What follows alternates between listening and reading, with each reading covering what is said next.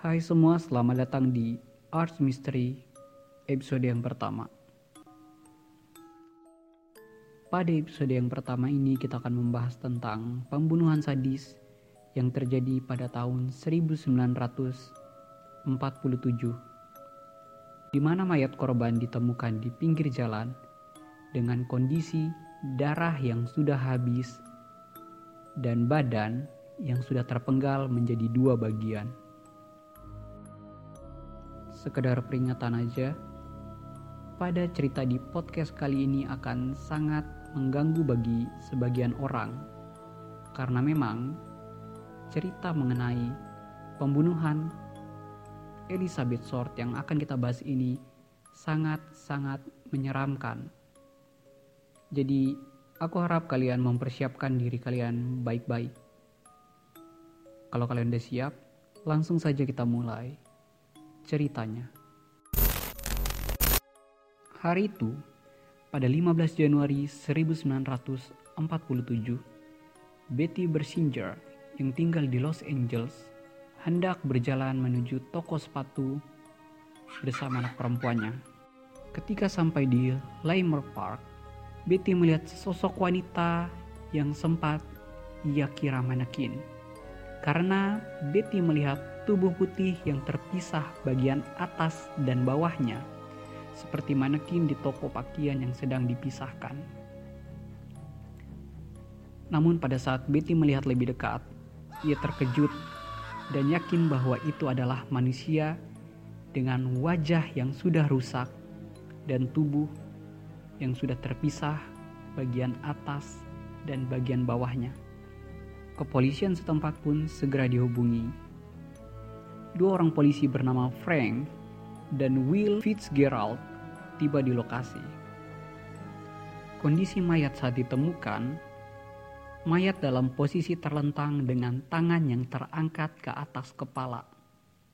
Kedua kakinya terbuka lebar dengan gaya yang sangat vulgar.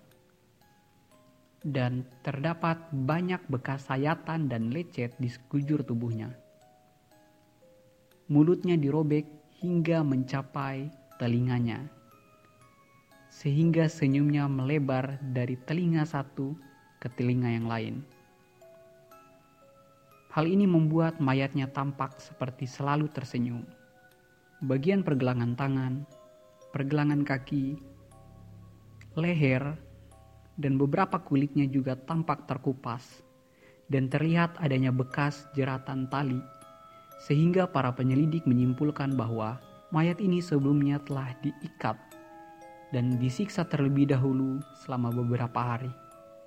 Dan yang tampak paling mengerikan adalah fakta bahwa tubuh mayat ini telah dipotong tepat dari atas pinggang hingga memisahkan tubuhnya menjadi dua bagian, bagian atas dan bagian bawah. Usus-ususnya juga diketahui telah dibrendel digulung-gulung, dan ditaruh kembali ke dalam perutnya. Penyelidik menyimpulkan bahwa Eli dibunuh di tempat lain dan kemungkinan dibuang di lahan kosong itu pada malam harinya. Ini dibuktikan dengan tidak adanya bercak darah pada tanah maupun pada mayat. Jadi, pelaku membersihkan mayat itu sebelum dia membuangnya. Sumber lainnya mengatakan bahwa Mayat itu sebelumnya telah dicuci hingga bersih darahnya sebelum dibuang di tanah kosong tepat di pinggir jalan. Kasus mutilasi mengerikan ini pun dengan segera langsung menjadi pembicaraan seantero Amerika Serikat. LAPD atau Los Angeles Police Department langsung memprioritaskan penanganan kasus ini agar dapat terselesaikan dengan cepat mereka memberikan tugas pada Sersan Harry Hansen dan Finis Brown untuk menangani kasus ini. Ketika kedua detektif itu tiba di lokasi, mereka menemukan tempat kejadian perkara telah dipenuhi oleh pejalan kaki dan reporter yang meliput. Sersan Harry Hansen segera membubarkan massa untuk mengamankan barang bukti yang mungkin tercecer di tempat itu. Tetapi sayangnya, mereka tidak menemukan jejak kaki atau apa pun yang bisa dijadikan bukti untuk menangkap si pembunuh. Setelah selesai diperiksa di TKP, mayat itu kemudian dibawa ke kamar mayat dan kemudian sampel jarinya diambil dan dikirim ke kantor FBI di Washington. Ada sumber yang mengatakan bahwa saking parahnya luka di wajah mayat itu sehingga membuatnya sangat sulit untuk dikenali. Selagi sampel sidik jari mayat tersebut diidentifikasi oleh pihak FBI, petugas otopsi mencoba memeriksa mayat itu kembali. Mereka berpikir siapa tahu mereka dapat menemukan detail-detail lain yang sebelumnya terlewatkan. Dan benar saja, setelah mencoba memeriksa kembali mayat itu, mereka menemukan beberapa fakta mengerikan lainnya. Di antaranya adalah ditemukannya lagi beberapa cabikan di kepala, wajah, dan tubuh korban Selanjutnya terlihat adanya tanda-tanda bahwa korban disodomi dan diperkosa, walaupun tidak ada ditemukan bekas sperma. Dan saking sebegitu mengerikannya kondisi mayat ini, bahkan membuat polisi dan dokter yang berpengalaman sekalipun dibuat syok olehnya.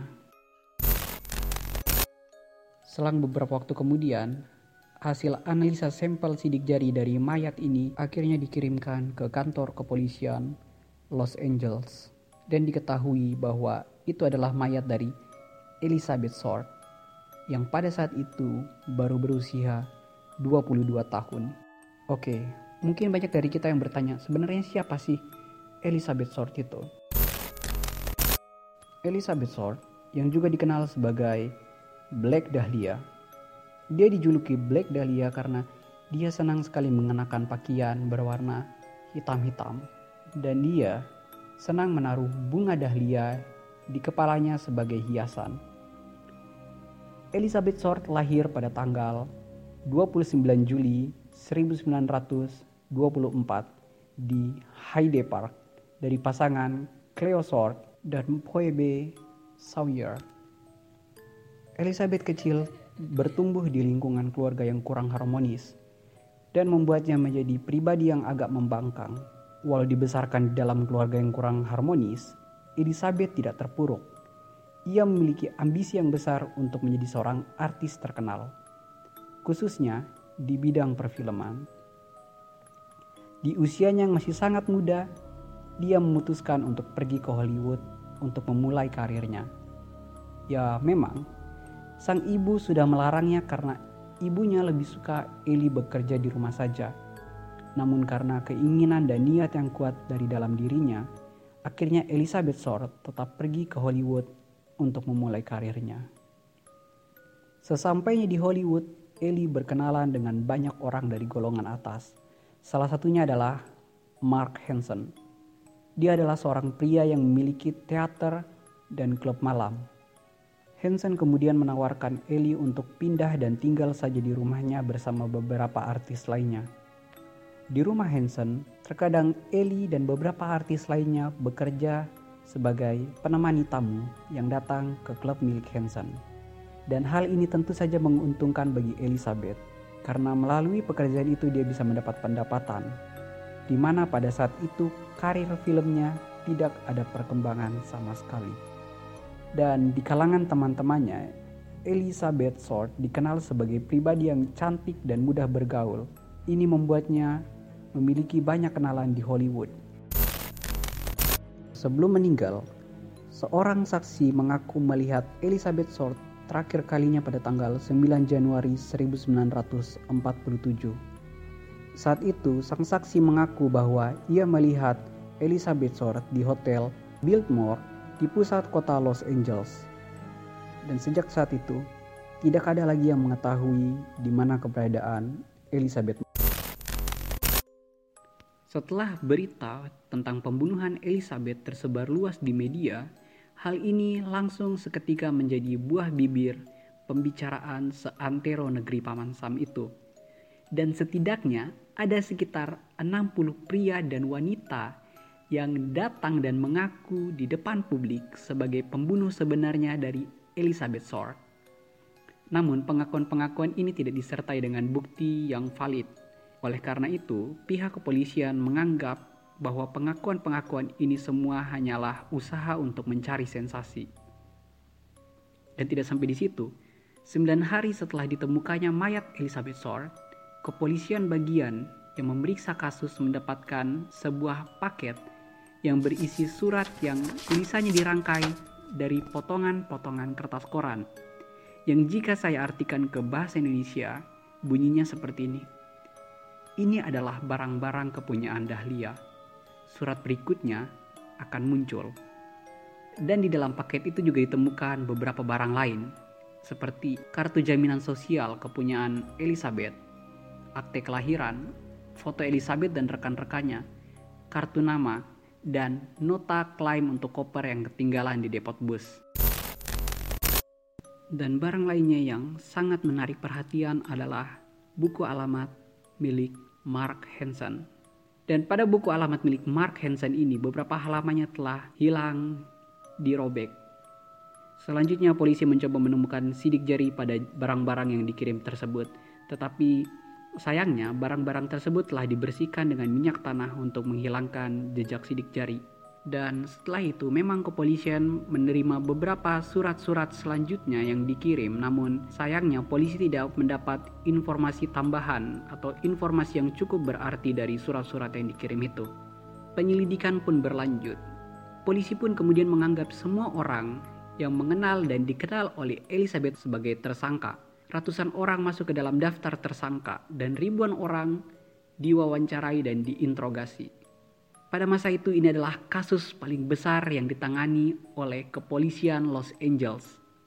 Karena saking besarnya skala penyelidikan, akhirnya kepolisian Los Angeles pun mendapatkan bantuan ratusan petugas dari badan lainnya. Setelah melihat kondisi mayat yang sangat mengerikan itu, Area penyelidik mengungkapkan dua kemungkinan mengenai pembunuh. Kemungkinan yang pertama adalah sang pembunuh adalah orang yang mengenal Eli dan kemungkinan si pembunuh ini membunuh Elizabeth Short karena dendam.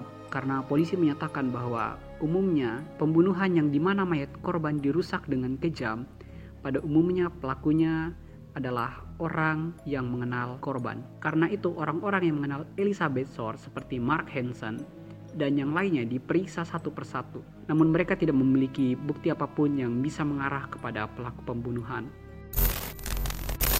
Sedangkan teori yang kedua adalah pembunuh berantai. Teori pembunuh berantai memang teori yang paling populer pada masa itu. Beberapa peneliti telah mencoba untuk melakukan penyelidikan sendiri dan menghasilkan beberapa kesimpulan yang cukup kuat. Selama Berpuluh-puluh tahun penyelidikan, ratusan orang masuk daftar tersangka, ribuan orang diwawancarai. Namun setidaknya hanya sekitar 24 orang yang dianggap paling mungkin sebagai pembunuh Black Dahlia. Namun pada kali ini kita hanya akan membahas beberapa nama yang paling populer dan dianggap paling mungkin sebagai pembunuhnya. Yang pertama adalah teori bahwa pembunuh Elizabeth Short adalah Matt Butcher of Kingsbury Run, seorang pembunuh berantai yang aktif pada tahun 1930-an yang meneror daerah Cleveland. Kasus pembunuhannya dinamai sebagai Cleveland Torso Killer. Julukan ini didapatkan karena seluruh korban dimutilasi dengan sayatan yang begitu rapih persis seperti sayatan yang terdapat di tubuh Elizabeth Short. Kasus pembunuhan berantai Cleveland Torso Killer ini ditangani langsung oleh Elliot Ness yang legendaris. Ness dikenal sebagai aparat penegak hukum yang berhasil menangkap dan memenjarakan mafia kelas kakap sekelas Al Capone. Namun banyak yang tidak mempercayai teori ini. Karena yang pertama, kasus Kevalen sendiri masih belum terpecahkan. Dan yang kedua adalah fakta bahwa Matt Butcher hanya melakukan aksinya di Cleveland. Dan dari Cleveland ke Los Angeles jaraknya mencapai lebih dari 3000 km. Dan yang kedua adalah George Hodel. Steve Hodel merupakan seorang detektif bagian pembunuhan di kantor kepolisian Los Angeles. Dia menuliskan sebuah buku yang berjudul Black Dahlia Avenger yang diterbitkan pada tahun 2003. Dalam bukunya, dia menuduh ayahnya Dr. George Sodell yang juga seorang ahli bedah sebagai pembunuh dari Black Dahlia. Hal ini dikuatkan dengan pernyataan Dr. Mark Wallach, seorang ahli bedah dari Rumah Sakit Saint Vincent. Dr. Wallach melihat foto Elizabeth sebelum dan sesudah diotopsi dan mengatakan bahwa keterampilan seperti ini hanya bisa dimiliki oleh mereka yang memiliki pengalaman dalam pembedahan. Dia juga percaya kalau pembunuhnya adalah seorang dokter.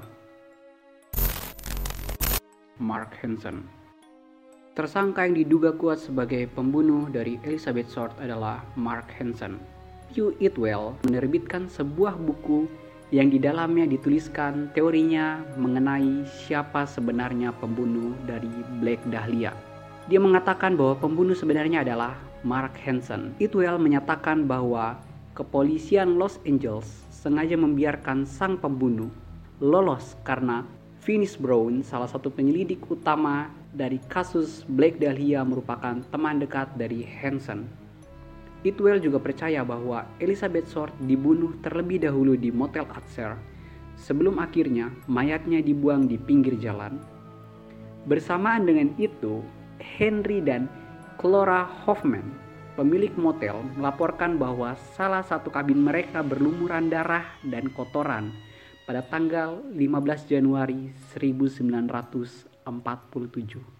Dan pada saat itu seorang saksi menyatakan bahwa dia melihat seorang wanita berambut gelap mirip dengan Sword dan seorang pria yang mirip dengan Mark Hansen. Tersangka terakhir pada daftar ini yang mungkin telah membunuh Elizabeth Short adalah Arnold Smith John Saint John merupakan seorang detektif kepolisian Los Angeles. Dia didatangi seorang informan yang kemudian memberikan sebuah rekaman video. Di dalam video itu berisi pengakuan dari seorang yang kemungkinan besar adalah pembunuh asli dari Elizabeth Short. Pria di dalam video itu adalah Arnold Smith. Di dalam rekaman itu, Arnold memperlihatkan foto serta barang-barang pribadi yang diklaim adalah milik Elizabeth Short. Dia menyatakan bahwa temannya Ai Morrison merupakan pelaku kejahatan seksual dan sudah membunuh serta memutilasi tubuh Elizabeth. Tetapi John Saint John percaya bahwa Arnold dan Morrison adalah orang yang sama. Kronologisnya adalah Elizabeth mendatangi kamar Morrison di Hollywood karena dia tidak punya tempat untuk bermalam. Lalu Morrison membawa Elizabeth ke rumahnya di dekat San Pedro dan mengajak Elizabeth untuk berhubungan intim yang mana kemudian langsung ditolak oleh Elizabeth.